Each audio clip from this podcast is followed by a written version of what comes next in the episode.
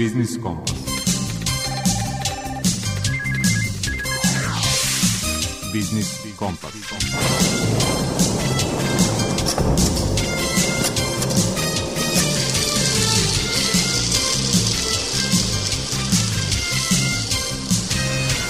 Pred mikrofonom je Đuro Vukilić. Dobar dan poštovani slušalci. Poskupljenje naftnih derivata sve manje je tema koja zaslužuje epiteta aktuelne. Sve aktuelnije su, međutim, posledice na troškove privrede i standard stanovništva. O tome smo razgovarali sa sekretarom Udruženja za energetiku i energetsko rudarstvo u Privrednoj komori Srbije, Ljubinkom Savićem. Gost autor rubrike iz mog ugla je profesor makroekonomije sa Ekonomskog fakulteta u Subotici Novica Supić, a tema su prekrivena nezaposlenost i neadekvatna zaposlenost. U svetu preduzetništva Zorana Panić, soldat iz Regionalne razvojne agencije Bačka, predstavlja projekat pod nazivom Osnaživanje mladih znanjem do posla. Tema rubrike predmet financije i izlaganja naše saradnice iz Narodne banke Srbije Jelene Popović su nominalna i efektivna kamatna stopa kao kriterijum u izboru banke u kojoj ćete podići kredit. Naš saradnik iz Nacionalne organizacije potrošača Srbije, Mladen Alfirović, govori o kuriozitetu prema kome je naše jeste ulje osjetno jeftinije u rafovima Italije ili Austrije nego u domaćim prodavnicama. You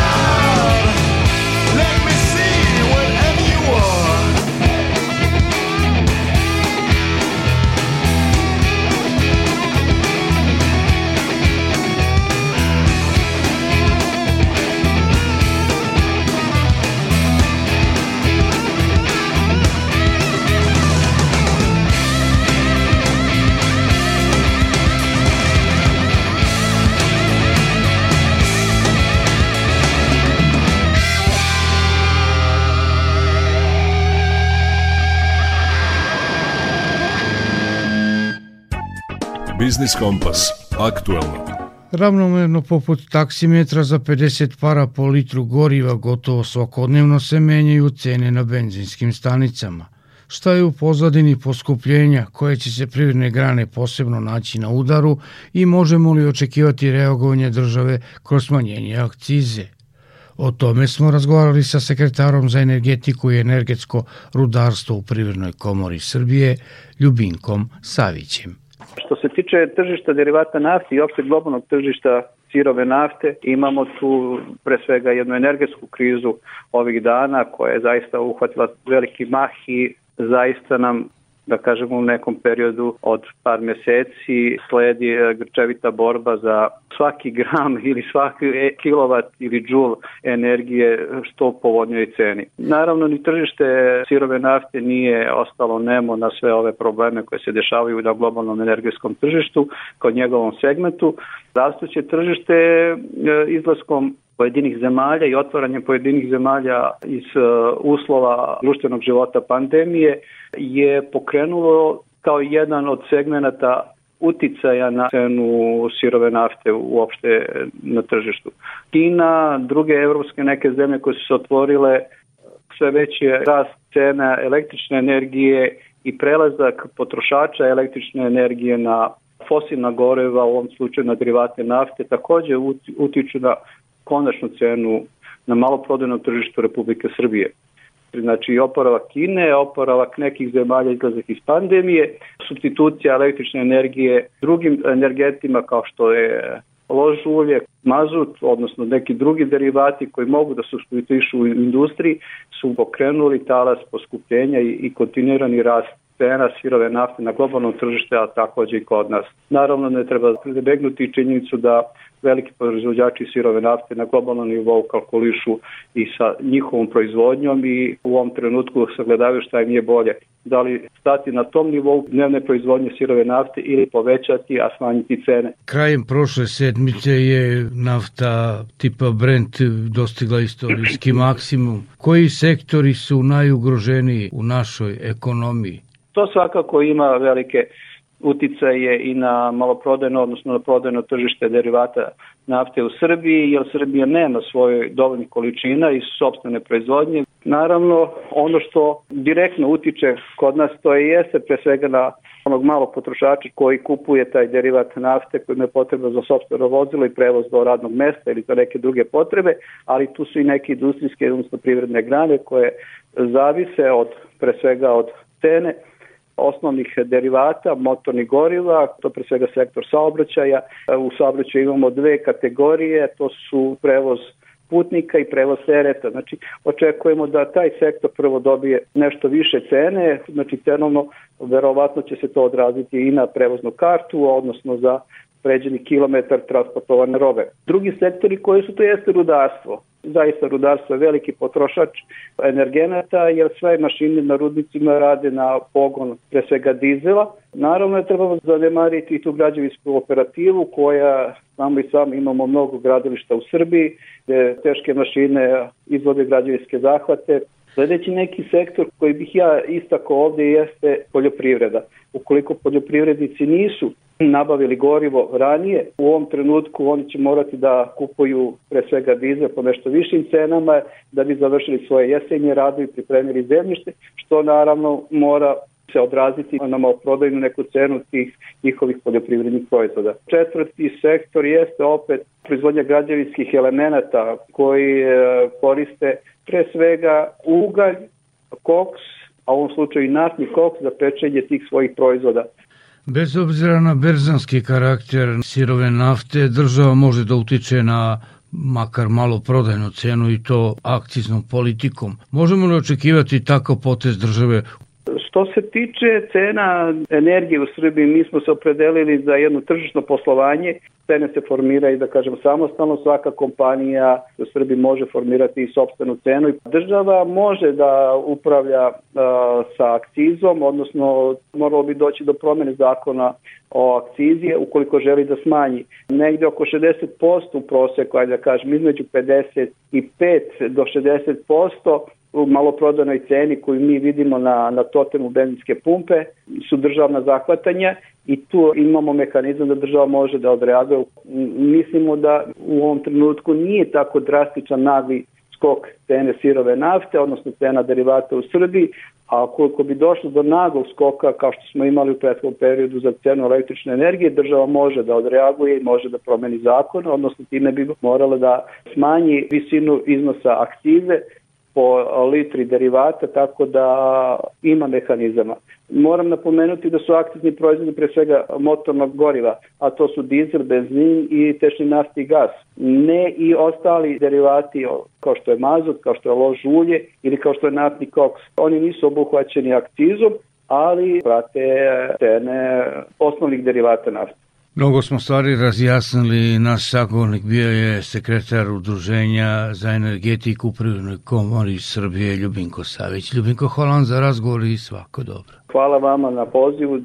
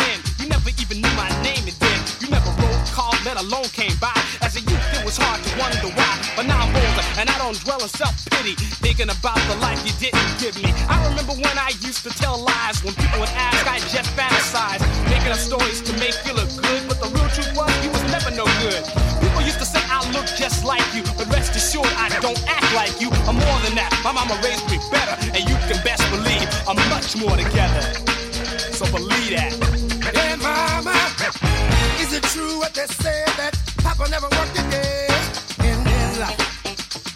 And Mama, bad talk going round town said Papa had three outside children and another wife, and that ain't right. Heard some talk about Papa doing some storefront preaching, talking about saving souls all the time, leak. Dealing in debt and stealing in the name of the Lord said so.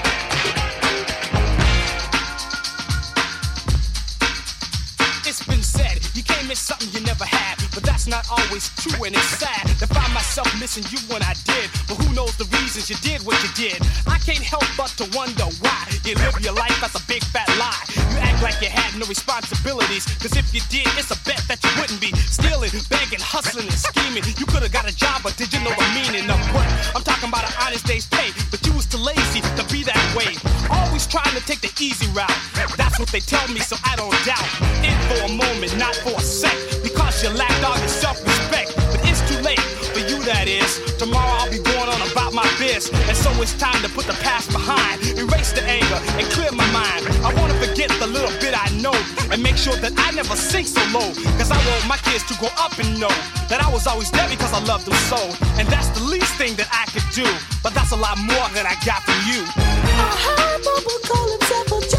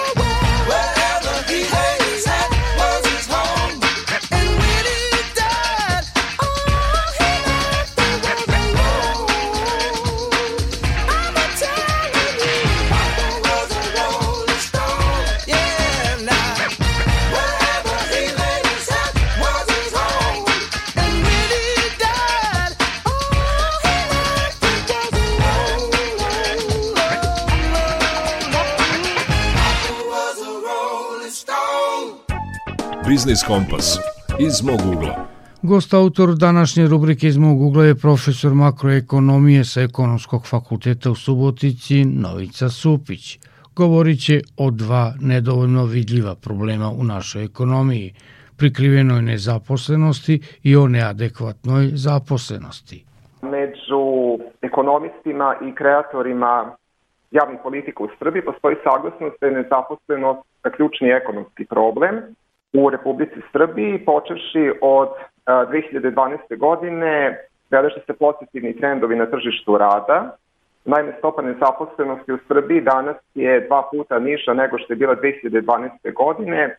Ilustracije radi danas stopa nezaposlenosti u Srbiji je niža nego što je to stopa nezaposlenosti u Španiji ili Grčkoj. A, 2019. godine stopa nezaposlenosti u Srbiji bila je na istorijskom minimumu koji se može porediti sa stopom nezaposlenosti koja je bila u najboljim godinama u socijalističkoj Jugoslaviji. A, Kreatori javnih politika kada objašnjavaju a, nisku stopu nezaposlenosti u Srbiji, primarno razlog za to vide u prilivu stranih direktnih investicija i zaista međunarodne statistike govore da Srbija prednjači po prilivu stranih direktnih investicija, tako prema pokazatelju broj otvorenih radnih mesta kroz projekte stranih direktnih investicija, protekle četiri godine se Srbija nalazi na samom svetskom vrhu. Međutim, o čemu je potrebno voditi računa kada se tumači stopa nezaposlenosti, a to je da stopa nezaposlenosti ne pokazuje uticaj obeskrabenih radnika, migracije na statistiku tržišta rada, niti pokazuje kvalitet zaposlenosti. Ukratko ću objasniti sva tri činioca. Prvo, beskrabljeni radnici. Kada se računa stopa nezaposlenosti, kao nezaposleni smatraju osobe koje nemaju posao, koje traže posao i koje su raspoložive za posao. A kada pojedinac nema posao, a ne traži posao, on se ne tretira kroz zvaničnu statistiku kao nezaposlena osoba. Obeskrabljeni radnici su osobe koje su ostale bez posla, tragale su za poslom i zbog nemogućnosti dobijanja posla u jednom momentu su odustali od traženja posla. Njih zvanična statistika kao takve ne vidi kao nezaposlene osobe. U slučaju Srbije to su pre svega gubitnici e, procesa tranzicije. Kod takvih osoba e, zvanična statistika ih ne vidi kao nezaposlene osobe, ali je e, njihov problem veći nego kod nezaposlenih osoba zato što se one suočavaju sa problemom siromaštva i socijalne isključenosti. u kojoj meri je raširen problem govore podaci zvanične statistike, to je da je u 2021. godini stopa siromaštva u Srbiji dva puta veća nego što je stopa nezaposlenosti. Ako bi isključili uticaj penzije i socijalnih transfera, došli bi do zabrinjavajućeg podatka, to je da je gotovo 50% populacije u Srbiji se nalazi ispod praga rizika od siromaštva. Drugi problem koji ne pokazuje zvanična stopa nezaposlenosti je problem migracija. Naime, da bi se neko tretirao kao nezaposlena osoba, potrebno je da nema posao, da traži posao i da je dostupna za posao. Dostupnost za posao podrazumeva da se osoba nalazi u mestu gde se evidentira od nacionalne službe za zapošljavanje. Zbog toga kada imamo migracije, migracije mogu da manje stopu nezaposlenosti. Srbija je zemlja velikih kako spoljašnjih, tako i unutrašnjih migracija. U kojoj meri su prisutne spoljne migracije u Srbiji, najbolje govori podatak da je 15% populacije koje se rodi u Srbiji danas živi u inostranstvu. Procenjuje se da godišnje Srbiju napusti između 30 i 60 hiljada ljudi. Ranijih godina to su bili visoko kvalifikovani radnici, a danas možemo da primetimo da Srbiju napuštaju i kvalifikovani i manje kvalifikovani radnici. Takođe, Srbije je prisutan problem unutrašnjih migracija, u smislu da godišnje u Srbiji mesto prebivališta promeni preko 100.000 ljudi, pri čemu su migracije koncentrisane na dva grada, to je Beograd i Novi Sad.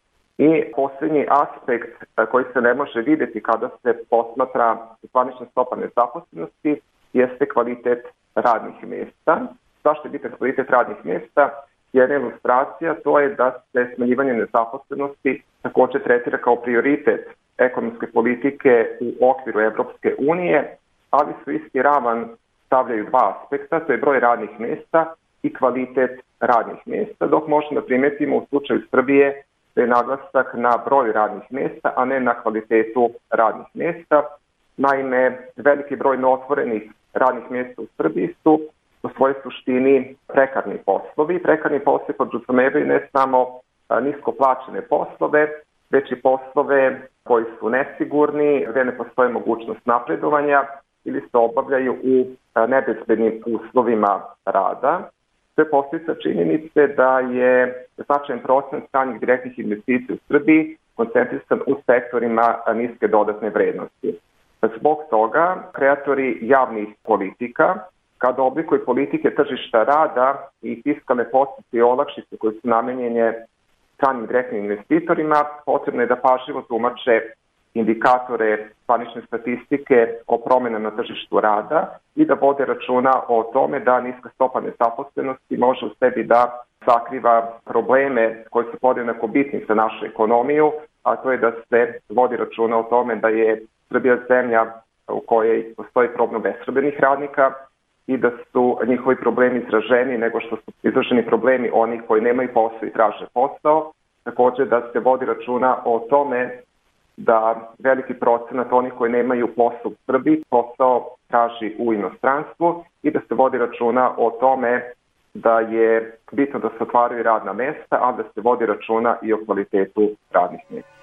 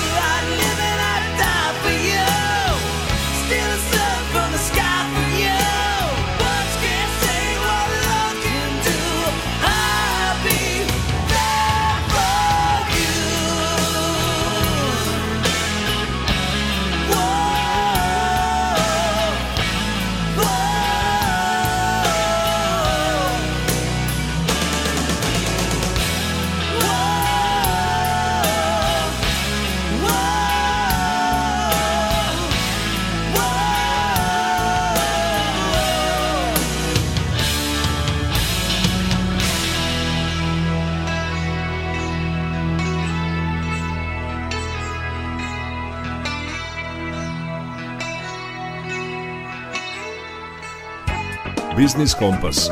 Svet preduzetništva. Osnaživanje mladih znanjem do posla naziv je projekta koji u četiri opštine Južnobačkog upravnog okruga organizuje regionalna razvojna agencija Bačka. Predstavit će ga asistent projekta Zorana Panić, soldat.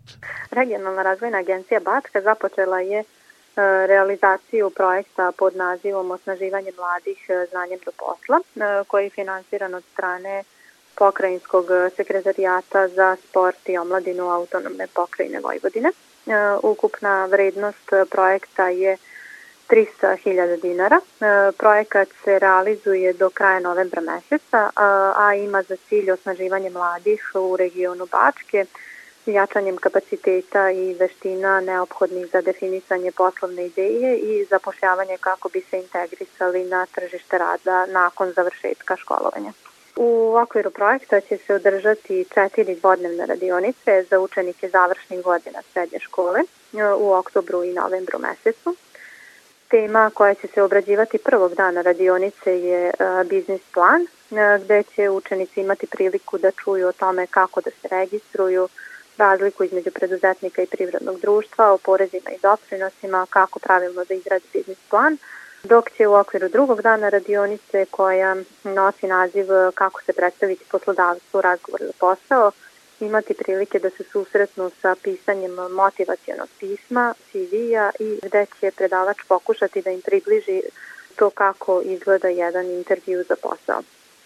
Za sada održana je radionica na temu pisanja biznis plana 13. oktobra u opštini Srbobran, u gimnaziji i ekonomskoj školi Svetozar Miletić, dok će se drugi dan radionice održati 20. oktobra. Za mesec oktobar zakazali smo i održavanje radionice u opštini Bač u poljoprivrednoj školi za 21. i 22. oktobar, dok je za novembar mesec planirano održavanje radionica u opštini Bačka Palanka, u ekonomskoj školi Radivoj Uvalić i u opštini Bački Petrovac u gimnaziji Jan Kolar, gde ćemo naknadno definisati termine održavanja radionica. I samo da napomenem, ukoliko zbog pogoršane epidemiološke situacije i propisanih mera radionice ne budu mogle da se održe u školama, održat ćemo ih online putem Zoom platforma.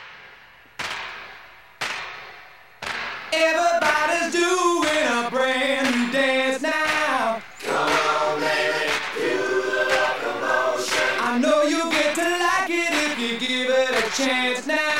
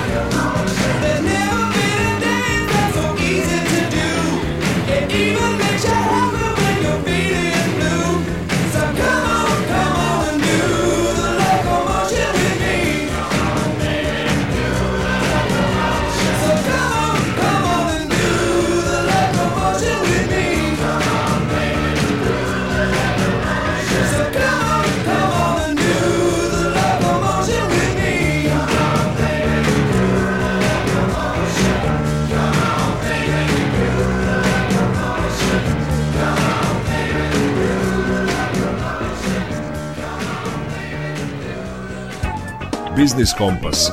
Predmet financije. Nominalna i efektivna kamatna stopa uobičajeni su termini u bankarskoj praksi, a važni su čak i ključni u izboru banke u kojoj ćete, na primer, podići kredit. O značaju nominalne i efektivne kamatne stope govori savjetnik za edukaciju korisnika finansijskih usluga u Narodnoj banci Jelena Popović. Pre svega da kažem da je kamata cena koja se plaća za korišćenje sredstava banke, ukoliko izraženo u procentima govorimo o kamatnoj stopi. Visina kamatne stope zavisi od vrste kredita, roka na koji se sredstva ustupaju, sredstava obezbeđenja naplate potraživanja, uslova na tržištu, konkurencije, stope inflacije, kreditnog rejtinga zemlje i tako dalje. Šta je nominalna kamatna stopa? E, nominalna kamatna stopa je stopa koja predstavlja relativni broj, procenat, koji određuje koliko se novčanih jedinica plaća po jedinici kredita i koristi se za obračun redovne kamate po datom kreditu. Može biti fiksna ili promenljiva. Dakle, nominalna kamatna stopa je ona kamatna stopa koja se koristi za redovan obračun duga po kreditu, znači uglavnom mesečno. Efektivna kamatna stopa s druge strane, za razliku od nominalne kamatne stope, predstavlja stvarnu cenu kredita i omogućava vam da lakše sagledate i uporedite uslove pod kojima različite banke nude iste kredite. Efektivna kamatna stopa, pored nominalne kamatne stope, uključuje i naknade i provizije koje korisnik plaća banci za odobravanje kredita. Ukoliko je, na primjer, reč o kreditima koji se odobravaju uz depozit, e, efektivna kamatna stopa obuhvata i prihod po osnovu kamate koju banka plaća na taj depozit. Efektivna kamatna stopa takođe obuhvata troškove obrade zahteva za kredit, troškove puštanja kredita u tečaj, godišnju proviziju na ime naknade za administriranje kredita, naknadu za neiskorišćeni deo okvirnog kredita, iznos premije osiguranja, ako je osiguranje uslov za korišćenje kredita, troškove otvaranja i vođenja računa koji su uslov za odobravanje kredita, kao i druge troškove u vezi sa sporednim uslugama koje su uslov za korišćenje kredita koje korisnik e, plaća banci. Na primer, fiksna provizija na ime naknade za obradu kredita za osiguranje, troškovi izdavanja izvoda registra nepokretnosti, troškovi procene vrednosti nepokretnosti pokretnih stvari, troškovi overe založne izjave i tako dalje, troškovi, na primjer, upisa založnog prava, to jest hipoteke, To su sve troškovi koje korisnik plaća drugim institucijama kada prikuplja određena dokumenta koja su važna za podnošenje zahteva za kredit, odnosno za odobravanje kredita. Kako da se odlučite koji je kredit najpovoljniji? Pa ukoliko se odlučite da uzmete kredit, imajte u vidu da u ponudi banaka postoje različite vrste kredita, čega treba dobro razmisliti i raspitati se šta se to nudi i šta je to ono što najviše odgovara vašim potrebama. Svakako od banke možete zatražiti ponudu za željenu vrstu kredita i njihovim poređenjem lakše odlučiti šta je to za vas najpovoljnije. Banka je dužna da korisniku pruži informacije i odgovarajuće objašnjenja o uslovima koji se odnose na taj ugovor o kreditu i to na način koji će korisniku omogućiti da uporedi ponude različitih davalaca istih usluga i da li ovi uslovi odgovaraju njegovim potrebama i finansijskoj situaciji i ono što je najvažnije, da korisnika nijednog trenutka ne smije dovesti u zabludu. Najlakši način da uporedite uslove pod kojima različite banke nude kredite i donesete odgovarajuću odluku jeste da pre svega uporedite visinu efektivne kamatne stope. Ukoliko je efektivna kamatna stopa na godišnjem nivou niža, naravno kredit je jeftiniji. Napominjemo da je efektivna kamatna stopa merilo cene kredita samo ako se upoređuje za zaduživanje u istoj valuti i za istu vrstu kredita.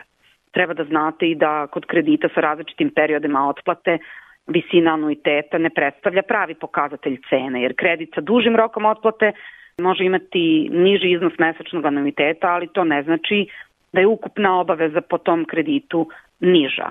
Da biste mogli da odgovorite na pitanje da li možete otplaćivati kredit, potrebno je da razmislite koliko iznose vaši ukupni prihodi, a koliko rashodi na mesečnom nivou i da procenite da li ćete u nekom budućem periodu biti u mogućnosti da redovno izmirujete svoje obaveze, naročito kod ugovora kod kojih može doći do promena uslova kredita, na primjer kada je ugovorena variabilna kamatna stopa.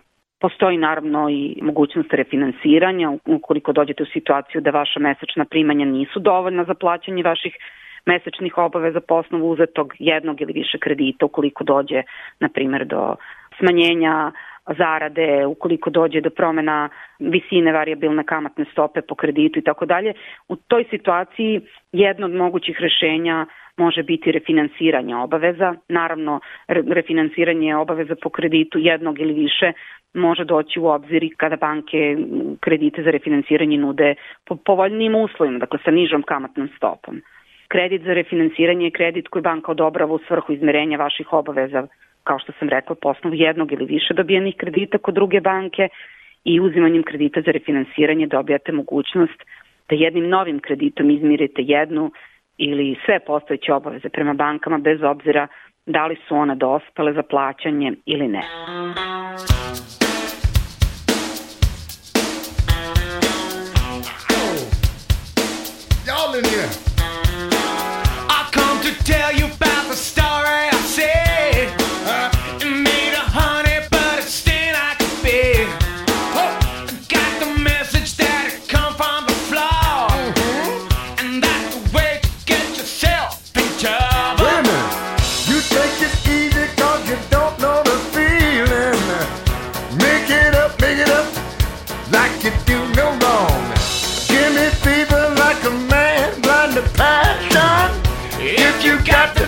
Show you how to turn it on.